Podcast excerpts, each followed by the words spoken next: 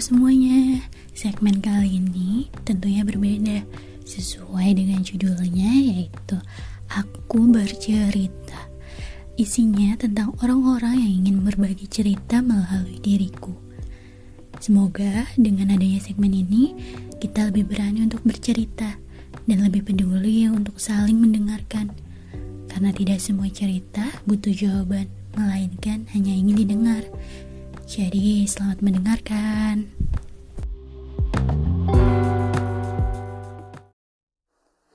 Cerita yang aku bawakan kali ini berdasarkan cerita dari salah satu temanku. Tentunya identitasnya aku rahasiakan. Semoga dengan cerita ini teman-teman yang mendengarkan bisa mengambil makna dari apa yang aku sampaikan.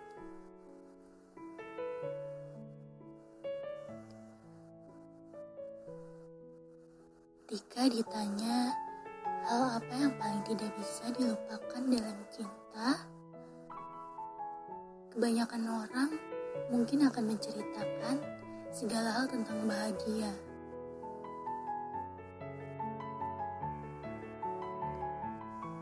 Namun berbeda denganku. Ketika aku ditanya tentang hal apa yang paling tidak bisa aku lupakan, perihal cinta adalah proses penyembuhan. Ya, healing yang terjadi akibat dari proses mencintai. Bagaimana itu terjadi? Ketika aku bertahun-tahun bersama dengan seseorang yang aku rasa ia sangat mencintaiku, dan aku pun sangat amat mencintainya. Lalu tiba-tiba dengan sekejap segalanya berubah. Semuanya berbeda.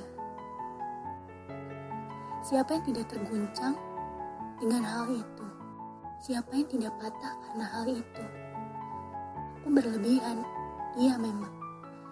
Tapi ketika hubungan itu telah memasuki fase serius dan akhirnya harus putus, proses menyembuhkan atau memulihkan ini kenyataannya tidak mudah. Aku sangat ingin marah, merasa tidak berguna, sampai aku ingin mati. Aku merasa hampa dan kosong, tidak berharga sama sekali.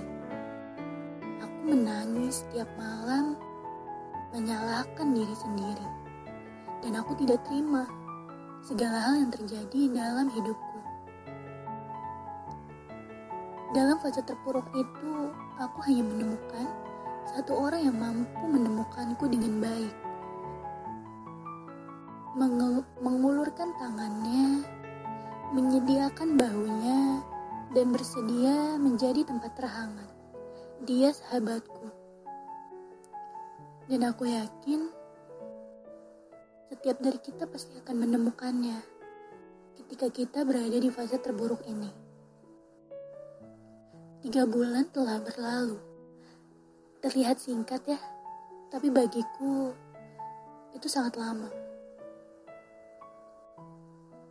Aku mulai mampu sedikit demi sedikit bangkit, merangkak, berjalan tertatih. Sampai sekarang aku mampu berdiri tegak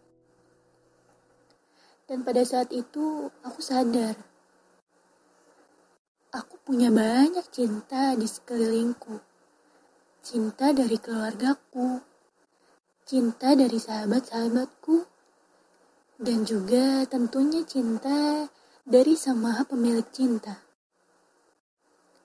Proses ini memberiku banyak pelajaran yang berharga tentang begitu penting mencintai diri sendiri, tentang lebih peka dengan orang-orang yang telah menyayangiku lebih dulu.